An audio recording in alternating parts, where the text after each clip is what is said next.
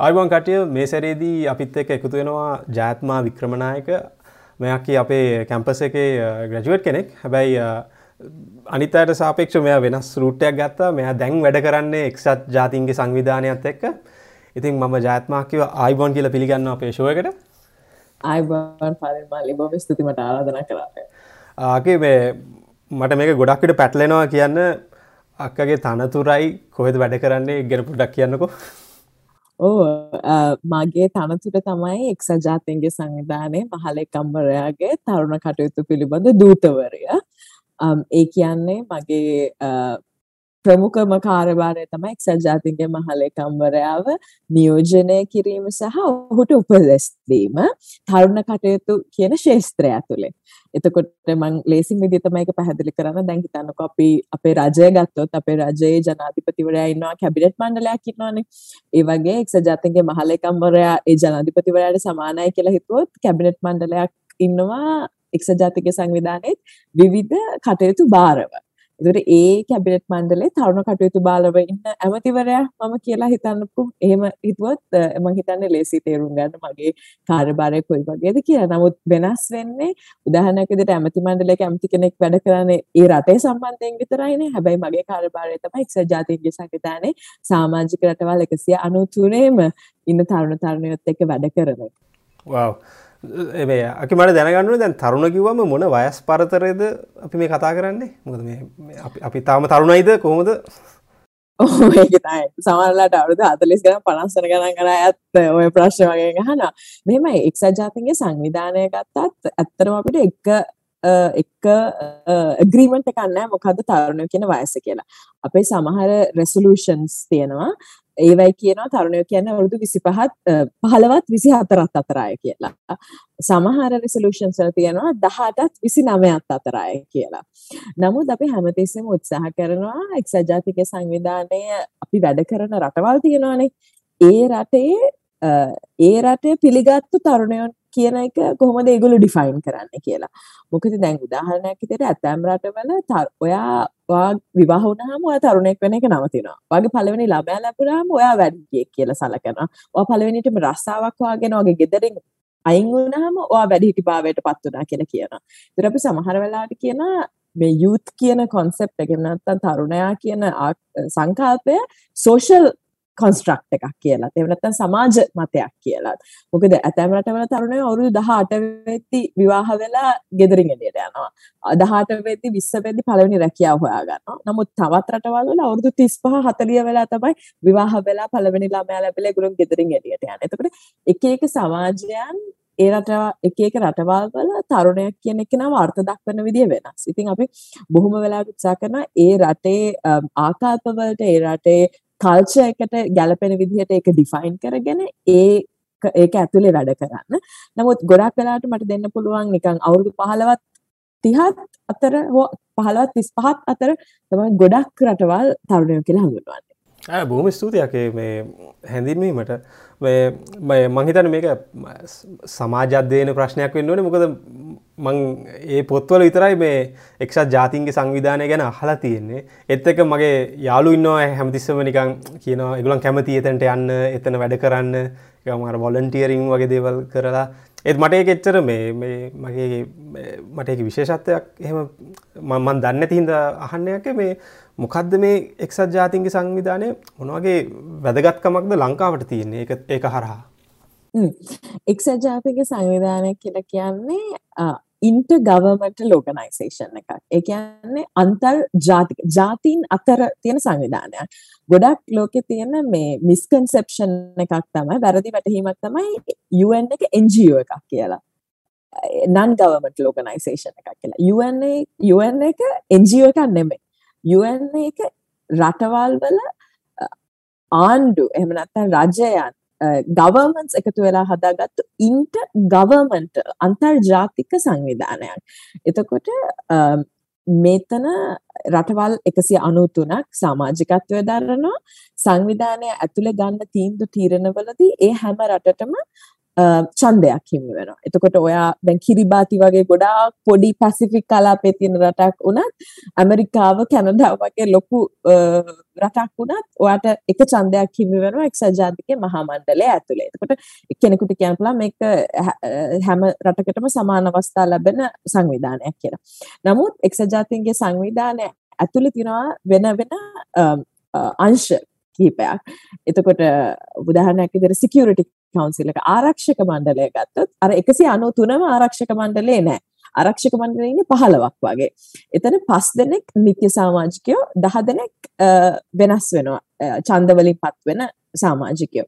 ඉතින් නිත්‍ය සමාජිකයෝ පස් දෙනාට උදාහරණයක් විදිහට ලොකු බලයක් තියෙනවා අනිත් සමාජිකයන්ට නැති. එතකොට තවත් විදිහකට ආගියු කරන්න පුළුවන් නෑ. හැබැයි හැමෝටම එක ඡන්දය ගන්න තිබ්බත් අර පස් දෙනාට පුළුවන් නම් ලෝකයේ ආරක්ෂාව පිළිබඳ තීරණ ගන්න සහ ඒ ගන්න තීරණ ආපසු හරවන්න. එහෙනම් තවත් කෙනෙකුට ආගියු කරන්න පුළුවන් මේක ඇත්තටම එහෙම සම සමතනක් තියෙන ඕගනයිසේෂන් එකක් නෙමෙයි කියලා. එතකොට මේකටද මේ කියන්නේ වීටෝ පව කියලා වීටෝ පව නිෂේධ බලය කියලා කියන්නේ ඒ රටවල් පහට තියෙන ඒ බලයට තමයි. එතකොට චීනය, ඇමරිකාව, ප්‍රංශය, එංගලන්ත, UK, United Kingdom සහ රෂ්යා රුසියාව කියන රටවල් පහට තමයි මේ නිෂේධ බලය තියෙන්නේ. එතකොට එක්සත් ජාතික සංවිධානය හැදෙන්නේ කොහොමද කියලා බලුවොත් ඉතිහාසයේ දැන් අවුරුදු 76කට කලින් තමයි එක්සත් ජාතික සංවිධානය හැදෙන්නේ දෙවන ලෝක යුද්ධයෙන් පස්සේ තුන්වෙනි ලෝක යුද්ධයක් ඇතිවීම නවත්තන්න.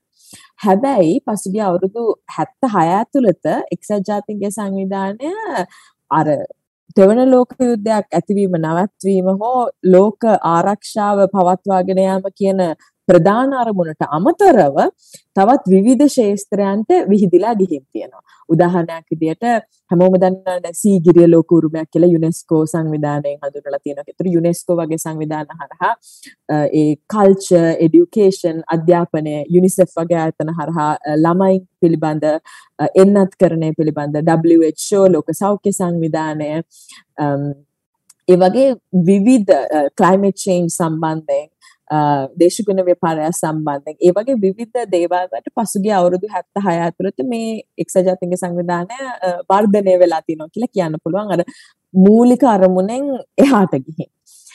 එතකොට ඔයාගේ ප්‍රශ්නට ලංකාව වගේ රටකට මේක කොහොමද වැදගත් වෙන්නේ කියලා ලංකාව ඒ රටවල් 193න් එකක්. එතකොට ලංකාව විවිධාකාරයෙන් එක්සත් ජාතීන්ගේ සංවිධානයට කන්ට්‍රිබියුට් කරලා තියෙනවා.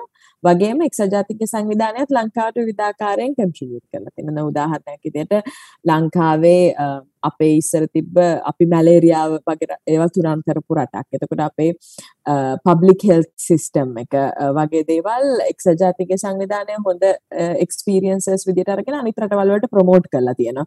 ලංකාවේ ඉස්සර නිදහස් අධ්‍යාපනය අර ඉස්කෝලවල කෑම දුන්න ස්කූල් මීල්ස් ප්‍රෝග්‍රෑම් කියන එක එහෙම අපේ වර්ල්ඩ් ෆුඩ් ප්‍රෝග්‍රෑම් එක ආහාර අනුකූල අනිත් රටවල් වලට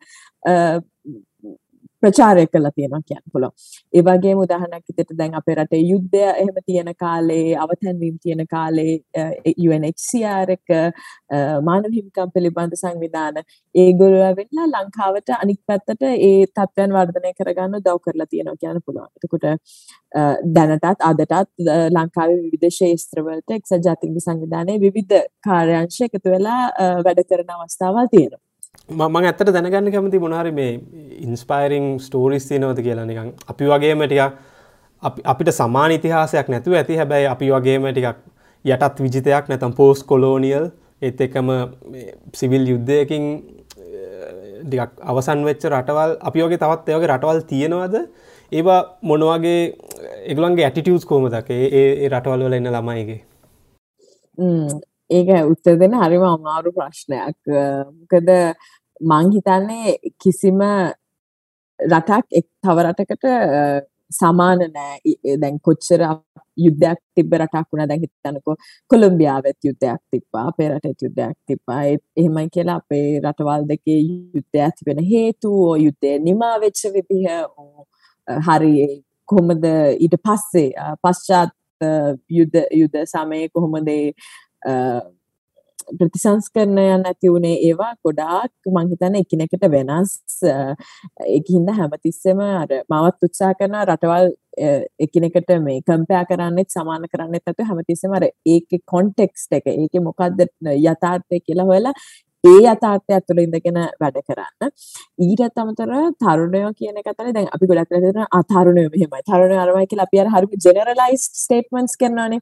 හැබැයි තරුණයෝ තමයි හැම තරුණයෝ එකිනෙකාට වෙනස්. දැන් හිතන ඔයයිමයි වෙනස්. ඔයයි වගේ නංගී වෙනස්. මමයි වගේ නංගී වෙනස්. මේ ඕක මේ මතක් කරපු හොඳයි. මේ දැන් මිල් අර වචනයක් තියෙනවනේ මිලේනියල්ස්ලා කියලා. සහස්ත්‍රයේ පරම්පරාව කියලා. හැබැයි මට මේ ඇමරිකාවට ඇවිල්ලා තමයි තේරුණේ ඒ මිලේනියල්ස්ලායි මාත් අපිත් මිලේනියල් කෙනෙක් තමයි. හැබැයි ඒගොලන් ගැටිටියුත් සෑහෙන්න වෙනස්.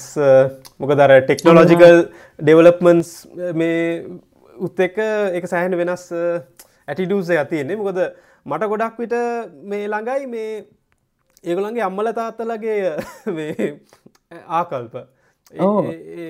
මේ මට හෙම දෙයක් තේරෙනවා ඕ ඒ ඒ කියන දැන් අපේ අපි හදනවලට පරිසරය අනුව අපේ ආර්ථික තත්ත්වය අනුව අපේ ආගම අනුව අපේ අධ්‍යාපන මට්ටම අනුව අපේ සමාජ මට්ටම අනුව එකම රටේ වුණත් ඉන්න තරුණ තරුණයෝන්ගේ ආකල්ප හැසිරීම් වගේ දේවල් ගොඩක් වෙනස් වෙන පුළුවන්. දැන් ලංකාව ගත්තොත් උනත් වාට පේනවනේ ඇතම් තරුණ තරුණියෝ පාරට බැහලා අපිට රැකියා නෑ කියලා උද්ඝෝෂණ කරද්දී සමහර තරුණ තමන්ගේම ව්‍යාපාරයක් පටන් අරගෙන අනිත් තරුණයන්ටත් රැකියා දෙන්න උත්සාහ කරනවා. දේශපාලන පස්සෙටත් UNP එකේ ඉන්නවා තරුණයෝ පොදු ජන පෙරමුණේ ඉන්නවා තරුණයෝ JVP එකේ ඉන්න තරුණයෝ. ඉතින් ඒ හින්දා තරුණයෝ මෙහෙමයි කියලා එක විදිහක මේ ස්ටේට්මන්ට් එකක් කරන්න හරි අමාරුයි. හැබැයි කොහෙදද ඒගොලොන් එකතු වෙන්න කියන් කියන එක කියන්න පුළුවන්? මොකද ගොඩක් වෙලාට ලෝකෙ කොතන හිටිය තරුණයට තියෙන ප්‍රශ්න එක සමානයි. සමහට එගොල එකට විසඳුම් හොයන විදිය වෙනස් වෙන්න පුළුවන්. එගොලොන්ගේ විසඳුම ලැබිය යුතුයයි හිතන ආකල්පය වෙනස් වෙන පුළුවන්. හැබැයි මුහුණ දෙන ගැටලුව සමානයි. උදාහරණයක් විදිහට අධ්‍යාපනය සම්බන්ධ ගැටලු විරැකියාව පිළිබඳ සම්බන්ධ ගැටලු. ඒ වගේ අනාගතය පිළිබඳව හතින ස්ථිරතාවයක් නැතිකමත් එක්ක එන ගැටලු ඊට පස්සේ දැන් අපි ටෙක්නොලොජි එක අපිට තිබ්බට ඒක හරියට යූස් කරන්න දන්නේ නැතු වුනහම හරි ඒකේ අපි සේෆ් නැත්තම් අපි ඉන්ටර්නෙට් එක හරි ඩිජිටල් ටෙක්නොලොජිස් හරි යූස් කරනකොට ඒ වගේ ගැටලු මට හිතෙනවා ගොඩක් වෙලාවට තරුණ තරුණියන්ට ඒවා සමානයි කියලා.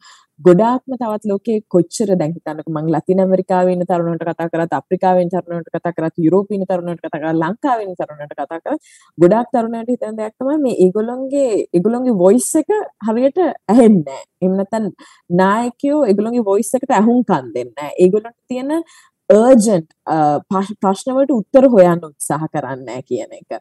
එතකොට ඒක හින්දා මට හිතෙනවා ලෝකයේ හැමතැනම ඉන්න තරුණයෝ සහ අපි කියන්නේ පොලිටිකල් ඉන්ස්ටිටියුෂන්ස් කියලා අතර මේ කිසියම් ආකාරයක මේ ට්‍රස්ට් ගැප් එකක් එනත විශ්වාසයේ ලොකු ගැප් එකක් ඇති වෙමින් පවතිනවා. ඉතින් විවිධ තරුණ විවිධ විදියට උත්තර හොයන්න උත්සාහ කරන උදාහරණයක් විදියට දැන් ස්වීඩනයේ වගේ රටක ග්‍රේටා තන්බර්ග් වගේ කෙනෙක් එළියට ගිහිල්ලා මේ උද්ඝෝෂණ කරලා ප්‍රොටෙස්ට් කරලා එයාගේ කටහඬ එළියට දාන්න හදනවා. එතකොට දැනට මේ වෙද්දි මිලියන ගාණක් තරුණ තරුණයෝ ඒ මූව්මන්ට් එකට එකතු වෙලා ඉන්නවා. සමහර තරුණයෝ ඡන්දයට ගිහිලා හිතනවා මේ දේශපාලනය තුළින් මම මේකට විසඳුමක් හොයනවා කියලා. සමහර තරුණ තරුණයෝ ව්‍යවසායකත්වයේ ඒකට උත්තර හොයන්න හදනවා. ඉතින් අර මං කිව්වා වගේ ඒක අපි උත්තර හොයන්න හදන විදිය වෙනස් වෙන්න පුළුවන්. නමුත් ගැටලු බැලුවහම ගොඩක් වෙලාවට ලෝකයේ තරුණ තරුණයෝ මුහුණ දෙන ගැටලු වල යම් යම් සමානකම් තියෙනවා. මම දන්නේ අපේ ස්ටේජ් එක මොකද්ද කියලා මේක පෝස්ට් ඩිව ඩෙවලපින්ද මට මට වචනය හරියට දන්න මේ ලංකාව ලංකාව ලෝව මිඩල් ඉන්කම් පහල මධ්‍යම පාන්තික රටක් පහළ මධ්‍යම ප්‍රාන්තික රටක්. ඒ මෙතනින් ඩෙවලප් ස්ටේජ් එකට යන්න අනිත් අය මොන මොන වගේ ක්‍රමවේදද එක නිගලන්ගේ තරුණයන් මොකද මේ අපි පොලිටික්ස් වලින් පොඩක් ඇත්තලා ඒගොලන්ගේ මේ ග්‍රාස්රුට් ලෙවල්ල එක ඒගොලන් මොනවගේ දේවල්ද කරන්න යකේ මොට පොඩි උදාහරණයක් එම දෙන්න පුලන්ද මෙහෙමයි. දැන් වා කියන්නේ දැන් ඩිවලොප්මන්ට් කියන එක අචීව් කරපු රටවල් වල තරුණ කොයි විදිහට එකට කන්ට්‍රිබියුට් කරලා තියෙනවද කියන එක නේ වගේ ප්‍රශ්නේ. දැන් එහෙම ඇත්තටම උදාහරණ හොයන්නත් හරි අමාරුයි. මොකද අපි දකින ගොඩක් රටවල් තාමත් ඉන්නේ ප්‍රෝසෙස් එකේ. හැබැයි මේ හරිම ඉන්ට්‍රෙස්ටිං කොන්සෙප්ට් එකක් තියෙනවා මේ අර ෆෝ ඒෂියන් ටයිගර්ස් ලා ගැන තියනවා. දේ රටවල් හතරක් තියෙන රටවල් කියන්නේ ඒෂන් ටයිගර්ස් කිව්වම හරි දන්න මලේෂයා කොරියා ඒ සෙට් එකද? අර ආසියාන් සෙට් එකද? ඕ ෆෝේෂන් ටයිගස් කියල කියන්නේ මේ Hong Kong Singapore South Korea Taiwan ඉට පස මහිතන ටයිග කලබ් කියලා කියනවා. ඉන්ඩුනීශයා මලේෂයා ෆිලිපින්ස් වියට්නාම් තායිලන් මහිතන්නේ මට ඒකන හට මතක නමුත් මේ හතර තමයි Hong Kong Taiwan Singapore South Korea කියන එක. තුකට තියරිය එකක් තියෙනවා මේ රටවල් කිසියම් ආකාරයක හිතන්නකෝ දැන් නියෝරිබරල් පොලිසිස් පාවිච්චි කරලා ආර්ථික වර්ධනය ඇති කරගත්තු රටවල් කියලා. එක දිගටම ආර්ථික වර්ධනය ඇති කරගත්තු සහ වර්ධනය වෙමින් පවතින රටවල් කිය. එතකොට එක තියරි එකක් තියෙනවා. මේ රටවල් මේ සංවර්ධනය අත් කරගත්තේ ඒ රටවල් වල තරුණ ජනගහනය වැඩි කාලයක් තියෙද්දී ඒ කාලය ඇතුළත මේගොල්ලෝ මේ කාර්මිකරණ ඉන්ඩස්ට්‍රියලයිසේෂන් කියන එක වැඩිපුරම කරලා ඒ ෆ්‍රී මාකට් ඉකොනොමික්ස් ඇතුළේ ඉන්ඩස්ට්‍රියලයිසේෂන් වැඩිපුර කළා. ඒ හිටපු වැඩි තරුණ ජනකහනෙන් උපරිම විදිහට ආර්ථික පල නෙලා ගත්තා කියලා. ඒ කියන්නේ ඒගොල්ලෝ හොඳ අධ්‍යාපනයක් දීලා ඒගොල්ලොන් රටේ ආර්ථිකය වර්ධනය කරන්නේ ඒ ජනගහන වර්ධනය උපයෝගී කරගත්තා කියලා. ඒකට කියනවා ඩිමෝග්‍රැෆික් ඩිවිඩන්ට් එකක් ගන්නවා කියලා. ඩිමෝග්‍රෆිය එක අවුරුදු පහළවත් හැටත් අතර ඒ කට්ටිය වැඩිම පිරමිඩේ ඒ කට්ටිය වැඩිම වෙලාවක ඒ රටත් වැඩිම විදිහට අධ්‍යාපනයට සහ ජොබ් ක්‍රියේෂන් රස්සා ඇති කරවන්න ස්ට්‍රැටජිස් ඇති කරලා ඉන්ඩස්ට්‍රියලයිසේෂන් වැඩි කරලා ඒ හරහා විශාල ආර්ථික සංවර්ධනයක් ලබාගෙන තියෙන රටවල් කියලා. නමුත් දැන් ලෝකයේ අද වෙද්දී මේ සම්පූර්ණයෙන් සංවර්ධනය වෙච්ච රටවල් නෑනේ. දැන් අර ඕ මත් ඉස්සෙල්ලත් මම අපි කතා කරද්දී ආයෙ වෙලා තිබ්බේ දැන් ඇමරිකාව ගත්තත් මේ සම්පූර්ණයෙන් සංවර්ධනය වෙච්ච රටක් නෙමෙයි.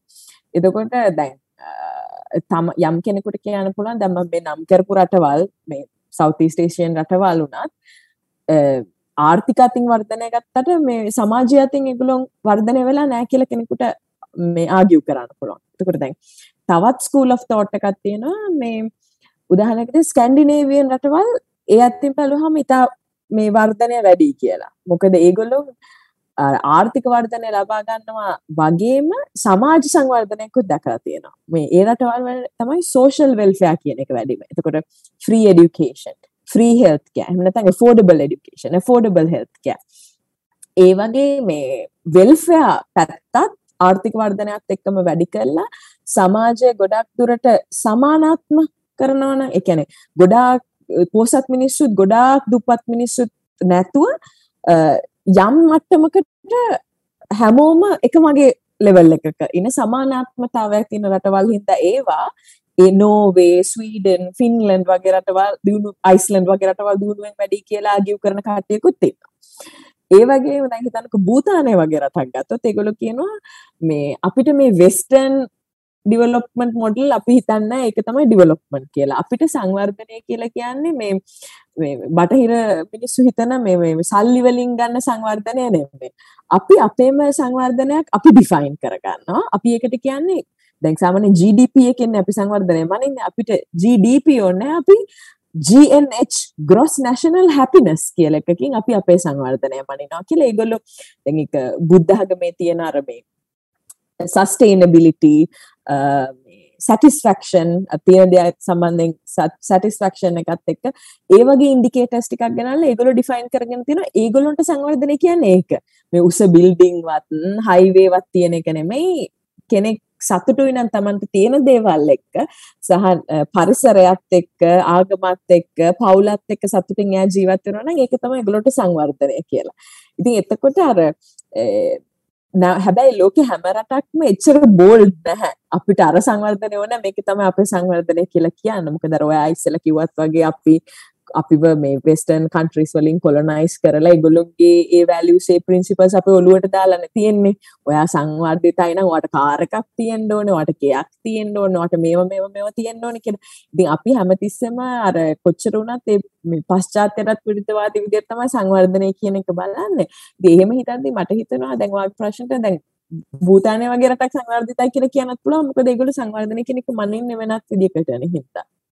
මොකද ගොඩක් කට්ටිය මේ හැමතිස මගහරින දෙයක් තම දැන් ඇමරිකාව ගත්තොත් මට මට මට පුදුම යක ඒකම එක තාමත් ඩෙවලප් නෑ කියල කිව එක මොකද අර නික ලංකාව මනුස්ස හිතන්න එක සංවර්ධිත ඒක නිකම් අර ෆිනිශ් අර අර මේ තරගේ අපිම හිතා අපිම මේ ඔළුවේ මවාගත්ත මේ රේස් එක ගොල්ලං ෆිනිශ් ලයින් එක පාස් කරපු සෙට්ටක් කියලයි මේ අපි හිතන්නේ.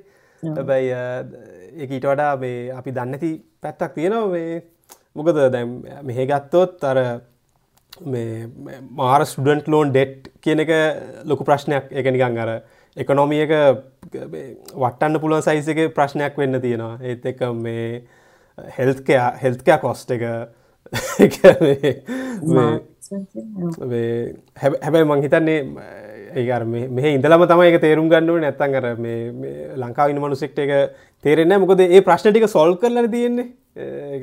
නතින් වගේ ඒකලන්ට ඕ ඒ කියන දැන් මංහිතන්න මේ ඇමරිකාව වගේ රටක තින ලොක්කුම ප්‍රශ්නය තමයි මේ ඉනික්වලිටි කියන එක.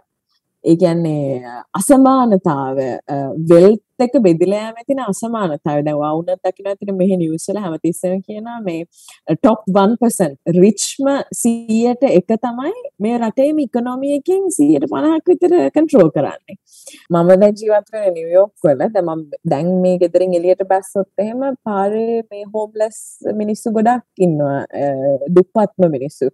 ඒවගේම තව ටිකක් මේ පාරවල් දෙක තුනක් උඩට ගියොත් ලෝකෙ සල්ලි තියෙනම මිනිස්සුන්ගේ ගෙවල් දොරවල් තියෙනෙත් මේ මේ මීටර් පන්සිය ඇතුළේ වගේම තම මොකදගේ බිලියනස් බිලියනස් රෝ කියලා රෝ කියලා කැතනකුත් තින වගේ හෝමලස් මිසි තින තිමන් කියනර අසමානතාවය වෙල්තක බෙදියාම අසමානතාවය ඇමරිකාව වගේ රටවල් ගොඩක් වැඩි. මට මේ කතාව හිද්දි තමයි නිකන් තේරුණේ අර සංවර්ධිතයි සංවර්ධනය කියන්නේ. එක නියම් එක මේඩප් දෙයක්ද? ඒගන්නේ එකන්නේ එක නිකම් අනේ මන්ද ඒකත් දක්කගේ මේ ඔපීනියන් එක මේ ගැන? එක ඒක මහින එක හරි එක ඔන්ගෝයින් ඩිස්කශනයක් සහ මහිතන අර හරිම ඩීප් ඩිස්කශනයක් එකන සංවර්ධනය කියලා අපි මනින්ද මොකක්ද කියන එක. මං හිතන්නේ අර ගොඩක් වෙලාට අපි සංවර්ධනය කියලා මරින්ට මැටීරියල් මෙත භෞතික සංවර්ධනයනේ එතකොට සමහර අයා ගිකරන පුළුවන් මේ මැටීරියල් දේවල් වලට බෙල්ට් එකට වඩා සමහරට ආධ්‍යාත්මික ඔයා සංවර්ධිතයි. නම් තමයි සංවර්ධිත රටක් වෙන්නේ. අධ්‍යාපනය අතින් රිච් නම් තමයි සංවර්ධිත රටක් වෙන්නේ. එහෙම කියලා. මට හිතෙන විදිහට ලෝකේ රටක් සංවර්ධිතයි කියලා අපිට කියන්න පුළුවන්. අර මං කිව්වා වගේ අසමානාත්මතාවය අඩු නම්. හැම කෙනෙක්ම සමාන තත්ත්වයක නම් ඉන්නේ. ඒ කියන්නේ අපි උදාහරණයක් විදිහට හිතන්නකෝ දැන් ලංකාවේ අපි උත්සාහ කරන ළමයින්ව හොඳ මිස්කෝල් එකට යවන්න, කොළඹ ඉස්කෝල එකට යවන්න, නුවර ඉස්කෝල එකට යවන්න. ගමේ ඉස්කෝලේට ළමයා යවන්න කවුරුත් කැමති නැහැ. අපි බොරු ඇඩ්‍රස් හදාගෙන හරි කොළඹ ඉස්කෝලේට යවන්න හදන්නේ. මොකද කොළඹ ඉස්කෝල වල තමයි හොඳම අපි හිතනවා පහසුකම් තියෙන්නේ, ගුරුවරු ඉන්නේ, ඉස්කෝල වලට යන අය සමහර කම්පනිස් තින ලංකාවේ සමහර ස්කෝලවල කට්ටව හය කරන්න කැමති වැඩියෙන්. හැබැයි දැන් ග්‍රටක් තියෙනවනම් තමන් කොයි ස්කෝලට ගැත්ස් එකම විදිහට අධ්‍යාපනය ලබා ගන්න පුළුවන් එකම විදිහට පහසුකම් තියෙන. එහෙනම් ඒ රට දියුණු රටක් කියලා මං හිතනවා. ඒ වගේ අර අසමානාත්මතාවය අඩු කර සමානාත්මතාවය රටේ මැද ඉඳන් කොනට වෙනකන් හැමතැනටම එක විදිහට අපිට හදන්න පුළුවන්. මං හිතනවා ඒ වගේ රටවල් දියුණු කියලා. නමුත් දැන් ලෝක සමානාත්මතාව වැඩි රටවල් මං කිව්වා වගේ අර උතුරු උතුරු යුරෝපීය රටවල් කියලා කියනවා. නමුත් ඒ රටවල් වුණත් 100%ක් සමාන නෑ. ඒ රටවල් වලත් අනිවාර්යෙන් මේ වගේ ගැටලු තියෙනවා. දැන් උදාහරණයක් විදිහට අපි කියනවා ලෝකේ ජෙන්ඩර් ඉක්වල් රටවල් නෑ කියලා. ලෝකේ කිසිම රටක කාන්තාවන් පිරිමින් අතර සමානාත්මතාවය අද වෙනකන් අචීව් කරගෙන නෑ. ඒක කාන්තාවන් අධ්‍යාපනය ලබා ගන්න ප්‍රමාණය හෝ ලේබ ෆෝස් එක පාටිසිපේට් කරන ප්‍රමාණය හෝ දේශපාලන පාටිසිපේට් කරන ප්‍රමාණය ගත්තොත් ලෝක කිසිම රටක් සියට සීයක් පණහා පණහා කියන මට්ටමට ඇවිල්ලන ඉතිං මං කියන්නේ අද වෙනකන් ලෝකේ අපි සංවර්ධිත කියලා කිව්වට ඇත්තටම සංවර්ධිත රටවල් නෑ කියන එක. අපි හැමෝම ඉන්නේ ඒ තැනට යන ට්‍රැජෙක්ටරියක ඒක අපි ඉන්න තැන අනුව අපි ඉතින් ඩිෆයින් කරගන්න මේගොල්ලෝ වැඩිය සංවර්ධන මේගොල්ලෝ අඩුවෙන් සංවර්ධිතයි කියලා. ඔව් ඒක හරි. දැන් ඒ ගැටේ මගේ ප්‍රශ්නේ විසඳුවා නිකම්. එතනින්ම. ඒක මොකද මේ මහිතන්න අපේ අපේ අපි ගෙනගත්ත පොත්වල වනත් එහෙම මේ අර්ථකතනයක් දීල තියෙනවා කියලා. ඒකෙම මගේ මේ ගොඩක් හොයන දේවල් අවසන් වනාවගේ දීපුත්තර ඒ මෙම මන්ඩැන් වක පණ්ඩිතයි වගේ දැම්මන් කියන්නේ මට හිතනේ ඇති සමාරට සමත්තාව කෙනෙක්ට කියන්න පුළුවන් නෑහෙමන මෙහෙමත් එකක් තියෙනක් කියලා. ආසානන ඒ මේක ඩිස්කශනයක්නේ මේ අක්කගේ ඔපීන මේ අක්කගේ ඔපීනියන්යක් මිස කාගත් නෙමේනේ සොයක මං අගේනවා ඔතන ඉදන් අක්කට මොනවගේ දේවල්ද පේන්නේ? නික මොනවගේ ඔපචනිටස් අපි බලන්න ඕනේ ඉස්සාට අනාගතයට? ඒත් එකම වා ලංකාවේ දකින ස්ට්‍රෙන්ක්ස් මොනවද? ඔපචනිටස් නං මම හිතන විදියට අනාගතය කියන එක තියෙන්නේ ටෙක්නොලෝජි එක මත. අපි ලෝකෙ අපි කොච්චර එක සිස්ට් කරන්න හැදුවත් ලෝක ඉස්සරහට ගොඩක් දේවල් ටෙක්නොලෝජි මත ඩිපෙන්ඩ් වෙනවා. එක ඩිජිටල් ටෙක්නෝජිස්ම නොවෙන්න පුළුවන්. හැබ ටෙක්නෝජි කියන එක අපේ ජීවිතය හැම ඇස්පෙක්ට එකටම බලපාන ඉතිං අපි ඔපචනිටස් හොයත්දී අපිට හැම කෙනෙක්ටම ටෙක්නෝලෝජි කියන එක ස්කිල් එකක් සහ රිසෝර්ස එකක් විදිහට දෙන්න පුළුවන්නම් මහිතන අපි ඕල්රෙඩි අපි ලෑස්ති වෙනවා කියලා ඉස්සරහට එන්න තියෙන දේවල්වලට දැන් අපි අධ්‍යාපනය අරන් බැලුවත් රැකියා අරන් බැලුවත් දෙදස් තිහ වෙද්දී රැකියා මිලියන හයසීයක් විතර ටෙක්නොලෝජි හරහක් මේ නිපද වෙන්න පුළුවන් කියලා සම්ෂන් එකක් තියෙන හැබැයි අපි ඇත්තටම ළමයින්ට මේ ටෙක්නෝලෝජිකල් ස්කිල්ස් ඉස්කොලවල යුනිවර්සිටිසල උගන්නනවාද කියන එක ප්‍රශ්නයන්නේ ඇත්තටම ඒවා අපි උගන්නන්නේ ඒ වගේම ටෙක්නෝලොජි එකත් එක්ක අපි හැමතිස්සෙම මේ ලෝකය වෙනස් වෙමින් යනවා ඉස්සරහට. ගොඩක් දුරට අද වෙද්දි ප්‍රයිමරි ස්කූල් ඉන්න ළමේ කවදාවත් අපේ අම්මලා තාත්තලා වගේ අවුරුදු 30ක් එකම රසාවක් කරන එක නැහැ. මොකද හැමදේම වෙනස් වෙද්දි ඒගොල්ලන්ට ඒගොල්ලන්ගේ රැකියාව වෙනස් කරන්න වෙනවා. රැකියාව කියන්නේ මේ කම්පැනි එකම රැකියාව වෙන වෙන කම්පැනි වල වෙනස් කරනවා කියන එක නෙමෙයි මම කියන්නේ ප්‍රොෆෙෂන් එක පවා වෙනස් වෙන අප්ග්‍රේඩ් වෙන වෙනවා. එතකොට ළමයින්ට සිද්ධ වෙනවා ලයිෆ් ලොං ලර්නර්ස්ලා වෙන්න. ඉතින්ගොලට ජීවිත කාලෙම ඉගෙන ගන්න වෙනවානේ අලුත් අලුත් ටෙක්නොලොජීස් අලුත් අලුත් ස්කිල්ස් අලුත් අලුත් ඉනෝවේෂන්ස් ඉගෙනගෙන අලුත් විදියට වැඩ කරන්න ඒගොල්ලන්ට සිද්ධ වෙනවා.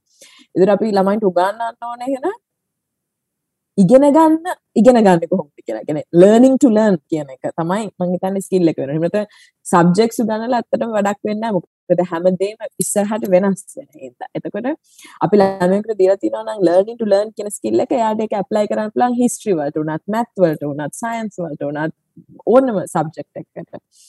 එතකොට මම හිතනවා opportunities තියෙන්නේ අනේ එතන අපි අපි fourth industrial revolution එකට ලෑස්ති වෙන්නේ කොහොමද? ළමයින්ව prepare කරන්නේ කොහොමද? අපේ attitude සහ skills වලින් අපි prepare වෙන්නේ කොහොමද කියලා generation එකක් විදියට. ලංකාවට මං හිතනවා ලොකු ඔපචුනිටි එකක් තියෙනවා කියලා මොකද අපිට ෆ්‍රී එඩියුකේෂන් හරහා ලොකු chance එකක් තියෙනවා ලංකාවේ හැම ළමයාම රීච් කරන්න. අපේ එඩියුකේෂන් සිස්ටම් එක ඒ කියන්නේ අපි එඩියුකේෂන් අතින් ගත්තොත් හොඳ ඉන්ඩිකේටර්ස් තියෙන රටක් නේ. අපේ හැම ළමයාම වගේ අධ්‍යාපනය මේ ෆෝමල් එඩියුකේෂන් එකට යනවා. එතකොට අපිට පුළුවන් නම් ටෙක්නොලොජිකල් awareness, technological skills සහ ඉන්ෆ්‍රස්ට්‍රක්චර් හදන්න ලංකාවේ හැම ළමයාටම ටෙක්නොලොජි යූස් කරන්න පුළුවන් වෙන විදියට. මම හිතනවා එතනින් අපිට ලොකු ලෙවරේජ් එකක් ඉස්සරහට ගන්න පුළුවන් කියලා. දැන් අපේ ස්කූල් නෙට්වර්ක් එක හරහා සහ already educated population එකක් ලංකාවේ comparative to අනිත් ඩිවලොපින් කන්ට්‍රීස් වලට කම්පැරටිව්ලි ලංකාවේ ඉන්න හින්දා. මම හිතනවා ඒක අපිට ලේසියෙන් කරගන්න පුළුවන් දෙයක් කියලා. දැන් එතකොට උදාහරණයක් විදිහට එක පැත්තකින් මම ගොඩක් රිග්‍රෙට් කරන එකක් තමයි ලංකාවේ දැන් අපි මේ පැන්ඩමික් එකේ අවුරුදු දෙකකට වැඩි ඉද්දි තාමත් අපි ළමයින්ට ටෙක්නොලොජිකල් ඩිවයිසස් වත් දෙන්න ප්ලෑන් එකක් හදලා නැහැනේ ඉන්ටර්නෙට් කනෙක්ෂන් එකක් ළමයින්ට දෙන්න ප්ලෑන් එකක් හදලා නැහැ.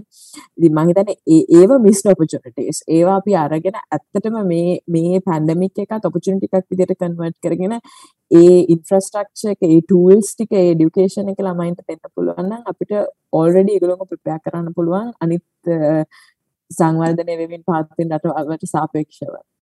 එක අපේ මට අක්ක කියදි තමයි තේරුණේ මේ ඉගන්නේ අපි පැන්ඩමික්කයක් වෙලාවේ ඉන්ටනෙට් දීලා අර විෂයන් උගන්නන එකට වඩා දෙයක් කරන්න තිබ්බනේද කියලනේ එකන ස්කිල්ස් කුසලතා දෙන එක. එකන විෂයනු ගණන එක මහිතන දැන් ලංකා සිය රසු පහකට වඩා ටීවී තියෙනවන ගෙවල් වල. ඒක ටීව එක ටීච කෙනෙකුට සමහට සබ්ජෙක් සුගන්නන්න පුළුවන්නේ මදකල් තින මේ කරනවා එක ඕ ස්කිල්ස් කියන එක උගන්නන එක ගොඩක් වෙලාට සෙල් ලර්නිින් කරන්න පුළුවන්. ඒවගේම නන් ෆෝමල් ඉන්ෆෝර්මල් එඩියුකේෂන් හලා කරන්න පුළුවන් දෙයක් ඒක මං හිතනවා දැන් මං දැක්කා. දැන් උදාහරණයක් විදිහට මේ හැම ළමයාටම ලැප්ටොප් එකක් හරි ටැබ් එකක් හරි දෙන එක දියුණු රටවල් විතරක් කරන එක නෙමෙයි. දැන් එල් සල්වදෝර් වගේ දියුණු වෙමින් පවතින රටක පවා මං දැක්කේ රටේ ජනාධිපතිවරයා කියලා තියෙනවා මේ හැම ඉස්කෝලේ යන ළමයෙකුටම මේ ටෙක්නොලොජිකල් ඩිවයිස් එකක් දෙන්න ඒගොල්ලෝ කටයුතු කරනවා කියලා. මොකද අර ඒ ඒ බොහොම තරුණ අවුරුදු 38ක ජනාධිපතිවරයෙක් ඉන්නේ රටේ. ඒගොල්ලෝ දකිනවා මෙතන තියෙන ඔපචුනිටි එක මොකක්ද කියලා. ඒ ඒ රටේ ඉන්න තරුණ ප්‍රජාව කොහොමද ඒ හරි ස්කිල්ස් එක දුන්නොත් ඒගොල්ලෝ අනිත් පැත්තට කොහොමද රටට කන්ට්‍රිබියුට් කරන්න කියන එකත් ඒගොල්ලෝ දකිනවා. දැන් අපි අර ඉස්සර කතා කරන්නේ අර 4 ඒෂියන් ටයිගර්ස්ලා ඒගොල්ලෝගේ ආර්ථික සංවර්ධනය ඇති කරගන්න ඒගොල්ලෝගේ යූත් පොපියුලේෂන් එක පීක් වෙලා ඉන්න වෙලාවක ඩිමෝග්‍රැෆික් ඩිවිඩන්ඩ් එක ගත්තා කියලා. ඉතින් ඒ වගේ දැන් ලංකාවේ මට හිතෙනවා අපි ඇත්තටම දැන් ඒක මිස් වෙලා තියෙන්නේ කියලා. මොකද ලංකාව දැන් ඇත්තටම ඒජින් පොපියුලේෂන් එකක් ඉන්නේ අපේ. අපේ තරුණ පොපියුලේෂන් එක පීක් වෙලා තිබ්බේ මේ මීට ගොඩක් කලින් හැබැයි අපි මේ දැනට ඉන්න තරුණ තරුණයෝ ටිකටවත් ඒ ස්කිල්ස් ටික දීලා ඒ නොලෙජ් එක දීලා ඒගොල්ලොන්ගෙන් ගන්න පුළුවන් උපරිම පොටෙන්ෂල් එක ඒගොල්ලන්ට ගන්න පුළුවන් නම් ඒක ඒගොල්ලොන් පර්සනලි විතර නෙමෙයි රටේ ආර්ථිකය සහ සමාජය දියුණුවටත් ගොඩක් දුරට බලපාන්න පුළුවන්. ඕකේ ඕකේ මට මේ මේක ම හරිත් දන්න මේ මට මට වෙලාවට හිතනවා මේ දැන් හිතම් බන්න අපි මොකක් හරි කම්පන එකක් uh, ස්ටබ්ලිෂ් කරනවා නම් ලංකාවේ uh, ලංකාවේ uh, ඒ පොපියලේෂන් එක එක මට හිතන එක ඒගුලන්ගේ අර එජුකේෂන් ලෙවල් එක වැඩි. ඉතින් මේගොලන්ට ලොකු සැලරිය එකක්කුත් ගෙවන්න ඕනේ. ඊට වඩා ලාබයි කම්පනය එක වෙන කොහැරි චීප් ලේබ තියෙන තැනකට ගෙනිච්චන කියලා. මොකද මට හිතන අපිට වේව එක මග හැරුණද කියලා මට හිතනවා. නිකං අර ඉන්ඩස්ට්‍රියලයිසේෂන් එක. මොකද මේ එක ජීවන මට්ටම ඉහල ගිහින් එහින්ද මිනිසුන්ගේ ඩිමාන්සුත් වැඩි දැන්. මට එහෙම හිතනවා වෙලාකට ඒක මත් මම එකනොමිස් කනම ඇතර ඒක එහම ලොකුට එක්ස්පර්ටිසක මගන්න නමුත් මොතවා කියන හල් තියෙනවා. මේ උදාහරනක්ද ඇගලුම් ශේස්ත්‍රයේ අර ඉස්සර කියවන ලංකාව ගොඩක් මේ ඒකට ප්‍රසිද්ධ රටක් කියලා මේ එක්ස්පෝර්ට්ස් වලට. නමුත් මම අහලා තියෙනවා දැන් ඇති මේ බංග්ලාදේශය වියට්නාම් කාම්බෝජිය වගේ රටවල් සහ අප්‍රිකාවේ ටැන්සනියා කෙනියා උගාන්ඩා වගේ රටවල් වලට ගොඩක් ඒ ඇඟලුම් කර්මාන්ත ශාලා අරිනවා කියලා අන්තර්ජාතික සමාගම් විසින් මොකද ඒ රටවල් වල රොයා කිව්වා වගේ ලේබර් කොස්ට් එක අඩු අඩු හින්දා. ඒක හැබැයි හරිටම කියන්න මම ඒ සම්බන්ධ වැඩි ස්ටඩි කරලා මොකද මේ මම දැනගන්න කැමති මොන වගේ දෙයක්ද කරන්න ඕනේ කියලා in the next 5 to 10 years. මේ ඒක මම හැමතිස්සම හිත හිත ඉන්න මේ මොකද අර මේ අනිත් රටවල් කරපු දේම කරන්නත් බැහැනේ. මොකද ඒ ඩෙමොග්‍රැෆික් එක වෙනස් වෙන හින්දා. මට එක්ක වෙලා මට හිතන දෙයක් තමයි දැන් ඒවා දැන් අපි කතා කරේ දැන් ගලුම් ගත්තත් අර ප්‍රොඩක්ෂන් ඉකනොමිකටන එක කන්ට්‍රිබියට් වෙන්නේ. හැබැයි අපි සර්විස් ඉකොනොමි එකක් විදිහට ලංකාව හිතුවොත්. දැන් හිතන්නකො IT සෙක්ටර් එක වගේ. අතරම ලංකාවේ තියෙනවානේ හොඳ ටෙක් කම්පනීස් එහෙම. ඒ වගේ ටෙක් විතරක් නෙමෙයි අනිත් සර්විස් ප්‍රොවයිඩර්ස්ලාත් ඉන්නවානේ. ටෙලිකමියුනිකේෂන් වේවා අනිත් එක එක සර්විසස් තියෙනවානේ අපි ඕන කරන. ඒ පැත්ත දියුණු කරොත් මොකද ඒවත් අර හයි පේයින් ජොබ්ස් නේ. ඒවා ලෝපෙන් ජොබ්ස් නෙමෙයි අනිත් එක මැනුවල් ලේබර්ත් නෙමෙයි. ඒවා මේ අපි ඉන්ටෙලෙක්චුවල් ලේබර්නේ ගොඩක් වෙලාවට ඒවට අවශ්‍ය වෙන්නේ.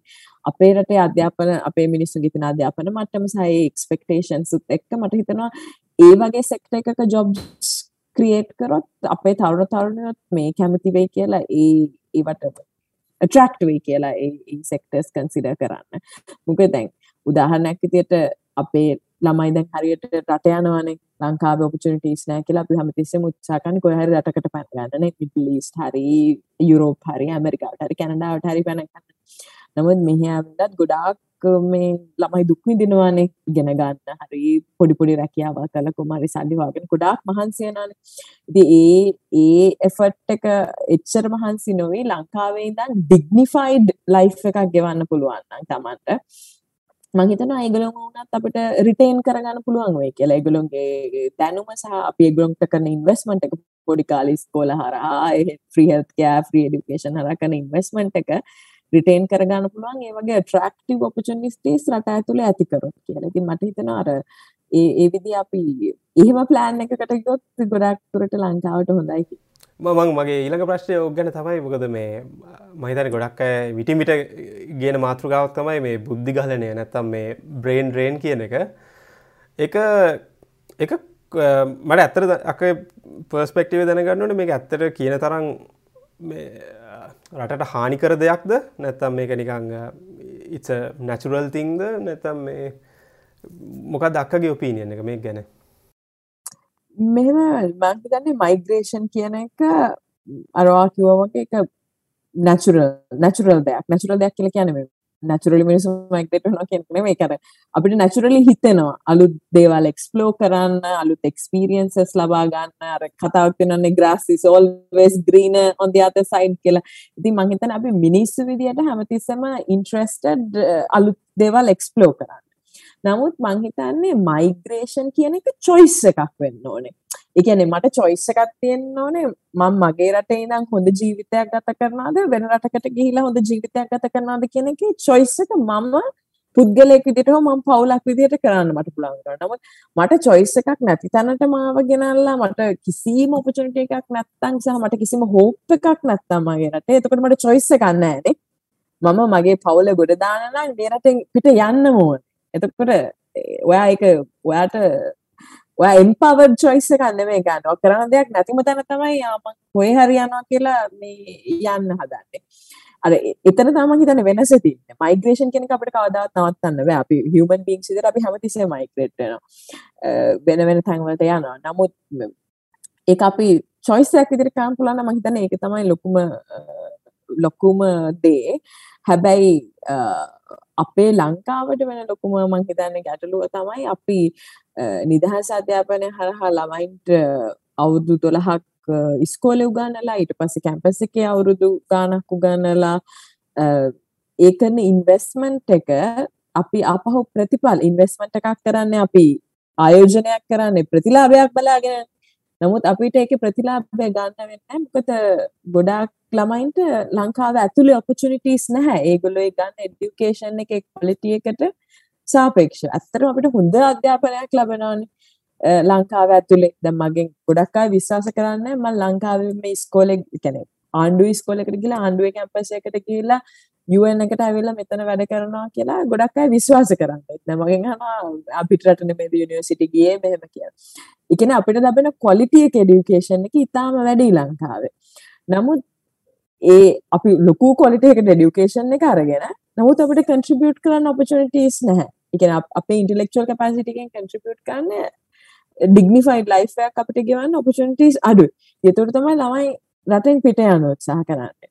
මට දැනගන්න එක මේ කෙනෙක්ට තර්ක කරන්න බැරිද මේ ෆ්‍රී එජුකේෂන් එක ඇත්තට ලොකු හානියක් වෙනවා කියලා රටට නෑ. මංහිතන්න එඩියුකේෂන් කියන එක එක ෆන්ඩමෙන්ටල් හිවමන් එක මදන්න හැබැ දැන් ඇමරිකාවගේ රටක් ගත්තොත් එකලන්ගේ හෙම හයමගේ හයිස්කූල් එජුකේෂන් මහිතන්න මෙහෙ ෆ්‍රීද කොහෙද? හැබැයි කොලේජ ජුකේෂන් නැත අන්ඩ ග්‍රජුවට් මාස්ට මාර් එක්ස්පෙන්සි එතොට මේගුලන්ටේ ප්‍රශ්න නෑන. මොකද එක රටෙන් ගෙවන මේ වියදමක් නෙමේනි එතොට කෙනෙක්ට ආගිකාන් බැරිද දිසිස් ඩුයින් මෝ ඩැමේජ් කියලා. මොකද අන්ඩගජුවට් එජුකේෂන් එක ගත්තොත් ඒ යන්න පුළුවන් ඒ පාස් වෙච්ච ප්‍රමාණයෙන් මහිතනි සියයට දහයක් වගේ නේද? එතොට සියට දහයකට ඔපචටිස් දෙන්න අර සියට අනුවම කපනවගේ වැඩක් නේද කරන්න එතන? ඒකන මෙමයි මම හිතනට එඩියුකේෂන් කෙනෙකට කිසිම කෙනෙක් සල්ලි ගවන්න ඕන්න මොකද මංහිතන එක කෑම වතුර වගේ බේසික් ෆන්ඩමෙන්ට් අම කෑමවතුරුවට දැ සල්ලි ගවන මගෙන අපි එයා බ්‍රීත් කරනවා වගේ ඩියුකේෂන් කෙනෙක මංහිතන හැම කෙනෙකටම යුනිවර්සලි ෆ්‍රී ලැබෙන්ඩෝනි සැවිස්ස එකක් කියනක තමයි මගේ මගේ ෆිලෝසක මහිතන එකහින්න ප්‍රශ්න තියෙන ්‍රී ඩියුකේෂන් එක නෙමේ ්‍රී ඩියුකේෂන එකෙන් පස්සේ ඒ ලබාගන්න ඩියුකේෂන් එකින් කන්ට්‍රබියට් කරන්න ඔපචනටස් හදර නැතිකම. ද උදාහනැකිතට අපි අපේ දැන් ඔපචනිටස් හදර නැති හින්ද තමයි ගොඩක් අය ඒඩියුකේෂණ කරගෙන වෙන තැන්වලට යන්න උත්සාහ කරන්නේ. දැන් අපේ අපේ ඇටිටියුඩ් වලත් තිනවන අපි දැන් අඩිග්‍රිකා ගත්තට එක්ක ආණ්ඩුවේ රැකියාවක් කරන්න ඕනේ. පෙන්ෂන් එක තියෙන රැකියාවක් කරන්න ඕනේ. එහෙම කියලා ඇටිටියුඩ් එකක් තියෙනවා. දැන් ඒක එක එක ප්‍රශ්නයක් මං හිතන්නේ. ඊළඟට දැන් මම ඔයමයි දෙන්නම අපි සයින්ස් ෆැකල්ටි කෙනෙක් හිටියේ. දැන්වා හිතන්නක කෙමිස්ට්‍රි ස්පේෂල් එකක් කරපු ළමයෙකුට හරි මොලිකියුලර් බයොලොජි ස්පේෂල් එකක් කරපු ළමයෙකුට වැඩ කරන ලැබ්ස් කීයක් ලංකාවේ තියෙනවද? ද අපි ළමයිට උගන්නනවා එක සබ්ජෙක්ට එකක් සහ ස්කිල්ස් වගේයක් හැබැයි ඒගොල්ලෝ එක කන්ට්‍රිබියුට් කරන්න කොහෙද ඒගොල්ලන්ට ඔපචුනිටිස් තියෙන ඊළඟට අපි යුනිවර්සිටිස් වල දැන් මම දැකලා තියෙනවා තව මේ ආටිකල්ස් වගේ කියවම මම ළඟ තිබේ අපි ගොඩාක් හිස්ටරි ලැන්ග්වේජස් ආත් සබ්ජෙක්ස් ළමයි thousands of දහස් ගානකට ළමයි ඒ ලැංග්වේජස් උගන්වන මේ ආත් සබ්ජෙක්ස් උගන්වනවා. හැබැයි ඒවට තියෙන ජොබ්ස් මොනවද ලංකාවේ? හොඳට ඒවට ජොබ්ස් නැහැ. ඒතකොට ඒ ළමයි රැකියාව විරහිත උපාධිධාරීන් වෙනවා. ඒකට අපි ලේබර් මාකට් එකේ තියෙන ඩිමාන්ඩ්ස් වලට এডুকেෂන් සිස්ටම් එක මැච් කරන්නේ සහ ලේබර් මාකට් එකේ ඔපචුනිටිස් ඇති තරම් ක්‍රියේට් කරන්නේ එතුට ලොකු ගැප් එකක් තියෙනවා මේ ස්කූල් ටුවර්ක් ට්‍රන්සිෂන් එක. මං හිතන්නේ ඒ එන්න ඒ වගේ ඉෂුස් හින්ද තමයි මේ ඔය බුද්ධිගලනය කියන එක ඇති වෙලා තියෙන්නේ. එමනතු මං මං හිතන්නේ අධ්‍යාපනය කියන එක ෆ්‍රී සර්විස් එකක් විදිහට හැම කෙනෙකුටම ලැබෙන්න ඕන එකක්. ඉතින් එහාට ඒගොල්ලෝ කොහොමද ආර්ථිකයට කන්ට්‍රිබියුට් කරන්නේ? ඒ ෆ්‍රී ලබා ගන්න අධ්‍යාපනය කියන එක මං හිතන්නේ ඒක රටක් විදිහට අපි හිතන්න ඕන දෙයක්. උපදාරමක් කිව්වා වගේ අපිසියම් මේ ඉන්වස්මටයක් කරන්න එකට රිසාල්ටයක් බලාපොරොත්තුවෙන් ඒ අපි ඒ දෙවනි කෑල්ල ගැන හිතන්න අපි පලවෙනි කෑල්ල ගැන විතරයි හිතන්නේ. ඒකෙන් ඒක තම මට පෙන් දෙ තින ලොකුම ප්‍රශ්නමනත ්‍රී ඩිකේෂන් කියන කරන මඟකට මේ තාමකක් මේ මගේ එක්ස්පිරෙන්න්සයක් ගැන දැන් මගේ අලු කිහිපයක් හිටිය. ඒගොලන් ඕලෙවල් මෙනකම් විතර ඉගෙන ගත්තේ. හරි? ඉට පස්සේ එකලම් එකලන් නියන් තේරුම් තේරුම් ගත්තා ඒලෙවල් කියන එක එකලන් හිතාගත්ත ඒලෙවල් කියන්නේ නිකන් කැම්පස් යන්න තියෙන මේ මේකක් විතරයිනේ. එතොට ඒගලම් බැලවා රයිට් මේ කොස්ට එක ඕන්නෑ මට. මොකද ටියෂන් ක්ලාසස් තුන හතරකට ගෙවන්න ඕනේ මාසකට. එකලන් ගියා ටෙක් එකට ජර්මන් ටෙක් වගේ තැනකට. පස්සේ ඉගැන මටත් කලින් ඒකොළන් එකින් ග්‍රජුවේට් වෙලා රස්සාාවක් කරන්න පටන් අරගෙන මේ දැඟගොලන් සමාරක මේ කා කම්පනිසල ජම්ස් ලෑටියට ඉන්නේ. මට වෙලාවට ඉතලා දැන් අර අපේ අර ඇටිටියුඩ්ඩයක් අප ඇටිටියුඩ්ඩයක් තිනනේ කැම්පස් ඩිග්‍රියක් කියන්නේ නික මාර මේ එකනිය ස්ටේටසයක් වගෙන. ලංකා මිනිසුන්ට මේ හැබැයි අර මට හිතනවා මේ අර අපි එක්කො දැනුවත් නැහැ. මෙන්න මේ වගේ දේවල් තියෙනවා. ඉගෙනගෙන යන්න පුළන් ඔපචුන්ටිස් මොකද මේ අර මයක නෝට් මට ඒක තික තේරුම් ගයානය පරක්කු වැඩි හැබැයි අපේ මිනිස්සුනික මාරිදිර නික ලුක් ඩවන්් කරනවනේ අර ඒවගේ තැනකින් ග්‍රජුවට් වෙච්ච ළමෙක් ඕ ඇටිටියුත්වල එම ප්‍රශ්නයක් තියෙනවා තමයි. දැන් අනිත් එක තමයි අර මේ අරවා කිව්වත් වගේ ගයිඩන්ස් කෙනෙක් ගොඩක් අඩුවිනේ දැන් උදාහරණයක් විදිහට මම මම ඇත්තට මට සමහරලාට හිතෙනවා මම මේ මම දැන් මේ යන පාත් එක ගැන තව දැනගෙන හිටියන මං සමහරට බයෝ සයන්ස් ඉගෙන ඉගෙන ගන්නතු වෙන සබ්ජෙක්ට් එකක් ඉගෙන ගන්නත් තිබ්බා මේ ඒ ලෙවල්ස් වලට සහ ඊට පස්සේ කැම්පස් එකේ. මම මේ අර අහම්බෙන් තමයි මේක ඉගෙනගෙන මේක තමයි මගේ පැෂන් එක කියලා දැනගෙන අර එක්ස්ට්‍රා කරිකියුල ඇක්ටිවිටීස් හරහානේ මම මගේ ස්කිල්ස් උයි නොලෙජ් උයි හදාගත්තේ මේ ෆීල්ඩ් එකට එන්න.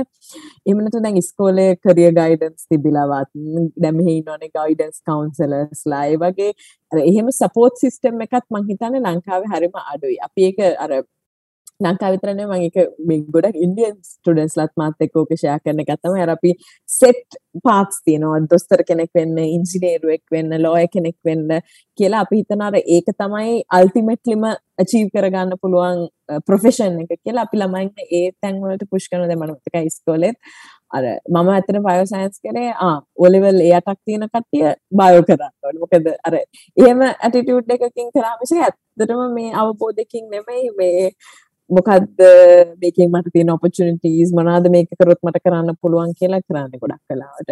දැන් උදාහරණයක් විදිහට මගෙන් ළමයි සමහරලාට අහනවා කතා කරලා අකිමට UN එකට බැඳෙන්න හරි කැමති මම මොකද ඉගෙන ගන්න ඕනේ කියලා. දැන් ඒ ප්‍රශ්නය ඇතුළෙම දැන් මට ගොඩාක් උත්තරේ කටියට දෙන්න පුළුවන්. දැන් ඒ ගොඩක් අය මට කතා කරන්නේ UN එකට බැඳෙන්න කැමති නම් ඉන්ටර්නැෂනල් රිලේෂන්ස් තමයි ඔයා ඩිග්‍රී කරන්න ඕනේ කියලා හිතාගෙන. නමුත් ඒ UN එක කියන්නේ කම්පැනි එකක් වගේ. දැන් අපි මම අර කියපු රටවල් 193ට උදව් කරන්න අපේ ස්ට්‍රක්චර් එකක් තියෙනවනේ. ඒතර අපේ ෆයිනෑන්ස් කට්ටිය ඉන්නවා. අපේ HR කට්ටිය ඉන්නවා. අපේ මාකටිං කට්ටිය ඉන්නවා. අපේ කමියුනිකේෂන්ස් කට්ටිය ඉන්නවා. අපේ ඩොක්ටර්ස්ලා ඉන්නවා. අපේ සිකියුරිටි ගාඩ්ලා ඉන්නවා. එතකොට දැන් UN එකට ඉන්ටර්නැෂනල් රිලේෂන්ස් කරපු අය විතරක් හය කළා වැඩක් නැහැ. අපිත් හය කරනවා විවිධ ස්කිල්ස් තියෙන විවිධ සෙක්ටර්ස් වල එක්ස්පර්ට්ලා මේ ඔපරේෂන් එක රන් කරන්න. ඩ්‍රයිවර්ස්ලා හය කරනවා, ක්ලාක්ස්ලා හය කරනවා, ස්ටටිස්ටේෂන්ලා හය කරනවා, කම්පියුටර් ටෙක්නීෂියන්ස් හය කරනවා, මෙකැනිකල් ඉන්ජිනියර්ස් හය කරනවා. එතකොට අර ඔපචනිටස් ගොඩාක් වැඩිවා අයිර් කරන්න මොන්නෑ වාට යුවන් එකට වැඩ කරන්න එකනම් වගේ වගේ ඩ්‍රීම් එක.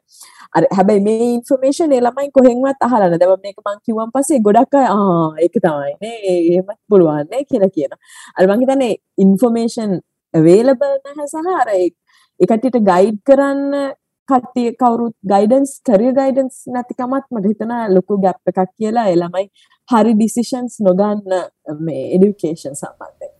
ඕකේ ඕකේ මට ඒක අහන්න ඕනේ මේ දැන් කම්පලීට ඉරලවන් කියලා හිතෙන්න්න පුලන් බයසයින්ස් ඩිග්‍ර එකක් කරල පස යුවෙන් එක වැඩ කරන එක.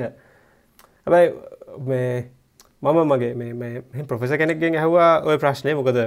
එක මේ හැමෝට මෙනවා කෙනෙකම් මේ එන්ජිනීරිං කරපු අය වුණා තන්තිමේද ඉංජිනීරී ජොබ්ස් නෙමේ කරන්නේ. බට් හැබැයි මංගිතින් ඇහුව මේ ඇයි අපි මේ ඔක්කොම උගන්නන්න ඕන කියලා. සාධාරණ ප්‍රශ්නයක්නේ දානොට ගොට සිට කියලා. හැබැයි එයමට කිව අපි උගන්නන්න ඕනේ අපි ගන්නන්නේ සබ්ජෙක්් එකමත් නෙමෙයි.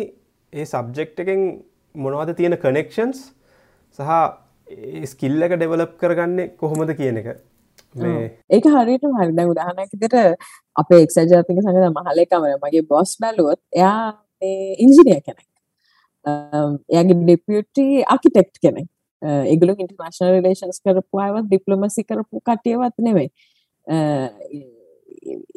ඒගොලො හැබැයි ඒ රැකයා තුළින් ඒගොලො ගත්ත කුසලතා පාවිච්චි කරලා තියෙනවා අද වෙද්දී ඒගොල්ලෝ ඉන්න තැනට එන්න. ඒ උදාහරණයක් වුණා මට උනත් හිතෙනවා මම සමහර ප්‍රශ්න අප්‍රෝච් කරන විදිහ අර සයින්ටිෆික් තින්කින් යූස් කරනවා මේ ප්‍රශ්න දැන් ලොකු ගැටලුවක් තියෙනවා නම් ඒක ඇනලයිස් කරන්න. ඒකට මං උත්තරේ හොයාගන්න නම් මම යන්න ඕනේ ස්ටෙප්ස් මොනවද කියන එක.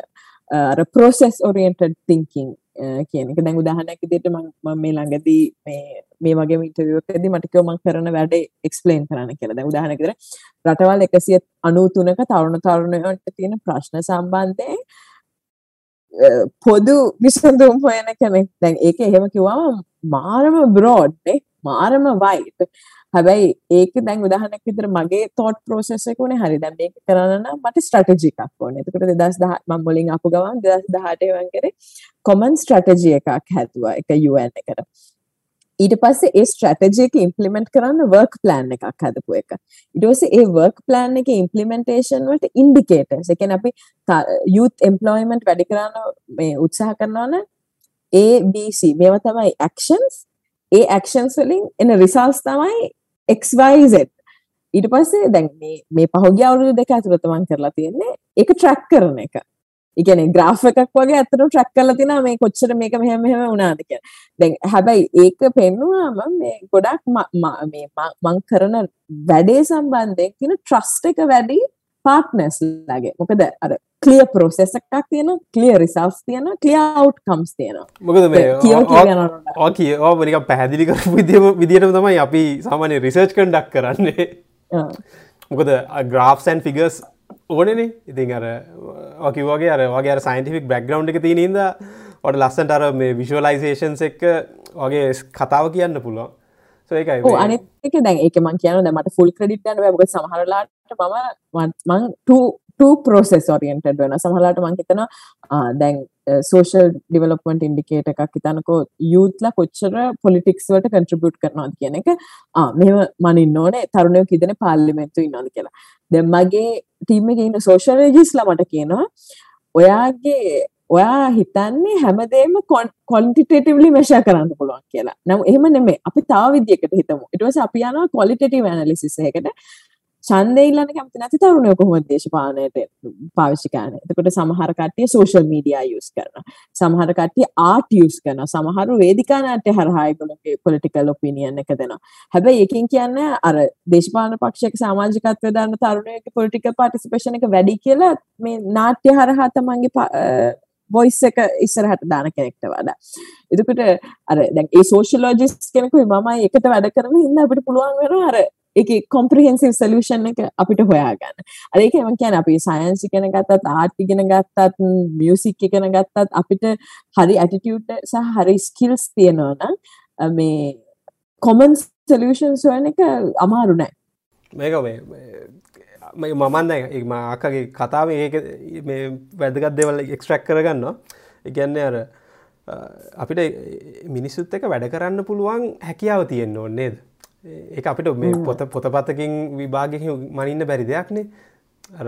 the willingness to learn and share knowledge නේ. මේ continuously. And ඔයි මං හිතන්නේ අපි හැමතිස්සම හරිම මේ humble වෙන්න ඕනේ නිහතමානී වෙන්න ඕනේ. අපි නොදන්න දේවල් පිළිගන්න දන්නේ කියලා සහ ඒක දන්න අයකින් ඉගෙන ගන්න.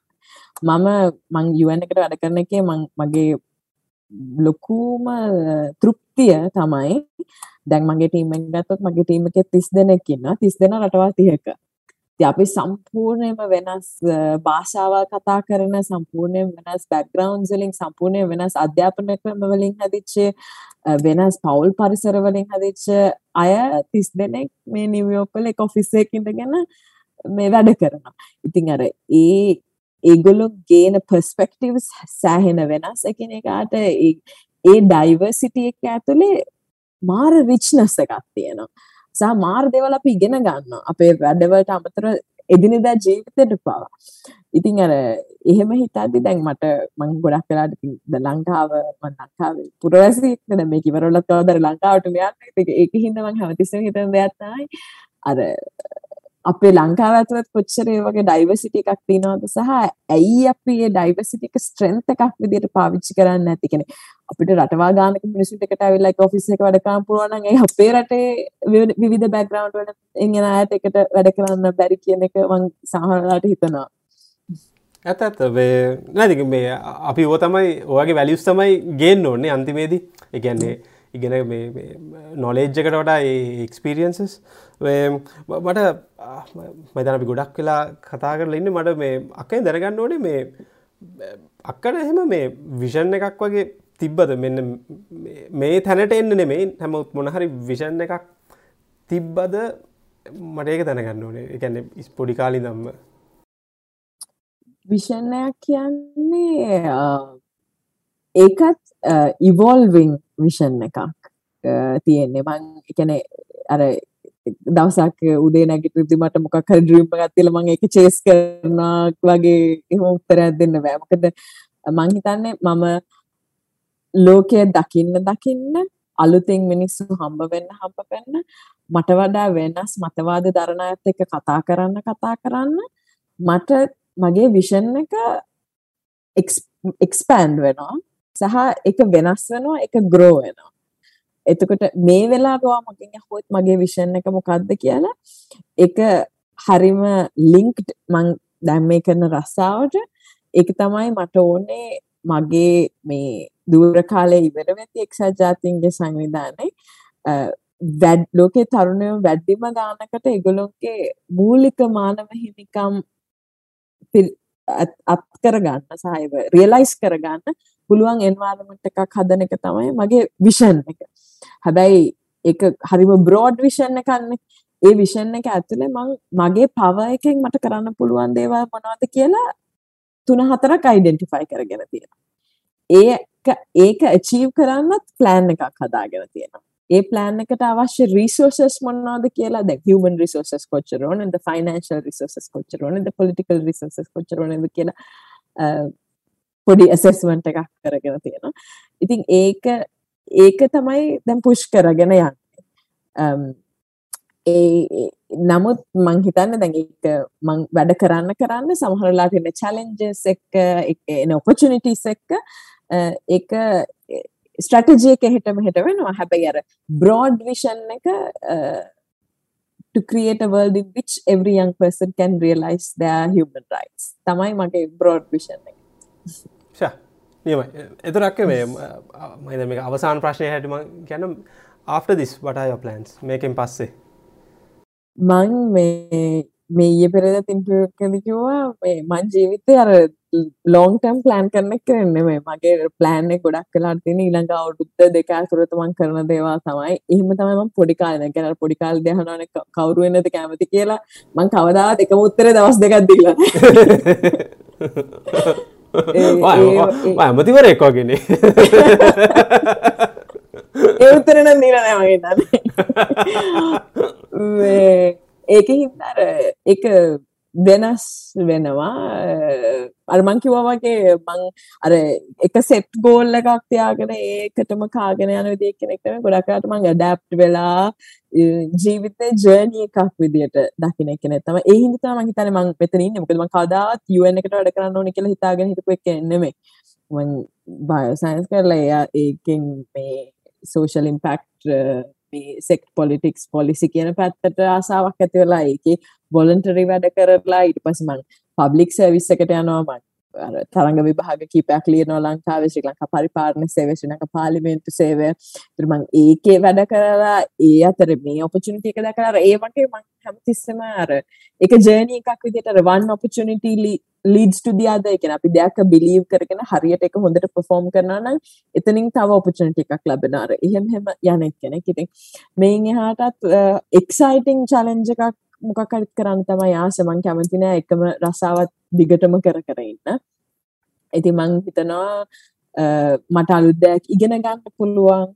සහ මට මට චැලෙන්ජ් එකක් වෙන රැකියාවක් ඊළඟට මං කරයි ගොඩක් හරිගේ බොහොම ස්තුතියක්ගේ වෙලාවට. මේ මන්න සෑන දෙයක් ඉගෙන ගත්තා මෙන්න මේ සයිඩ් එක මොකද ගොඩක් විට මම ඉන්ටවිය කරන්නේ ගොඩක් ස්ටෙම් පැත්තේ අයන සයින්ස් ටෙක්නෝජී එන්ජිනියරිං මැතමටික්ස් පැත්තනේ තෝට මේ මම මේ වගේ අර මේ සෝෂල් පැත්තක් හියමටිටි පැත්තක් දකින්න වෙන ඇතින් බොහමි සූති අක්කගේ වෙලාවට. මම එනම් අක්කගේ ෆියච පලන්ස්වල්ට සුභ පතනවා. අයිබෝන්නක්කේ බොම ස්තුතිමට ආරාධනා කරාට. වටත් ඔල්ඩ බෙස් Thank you.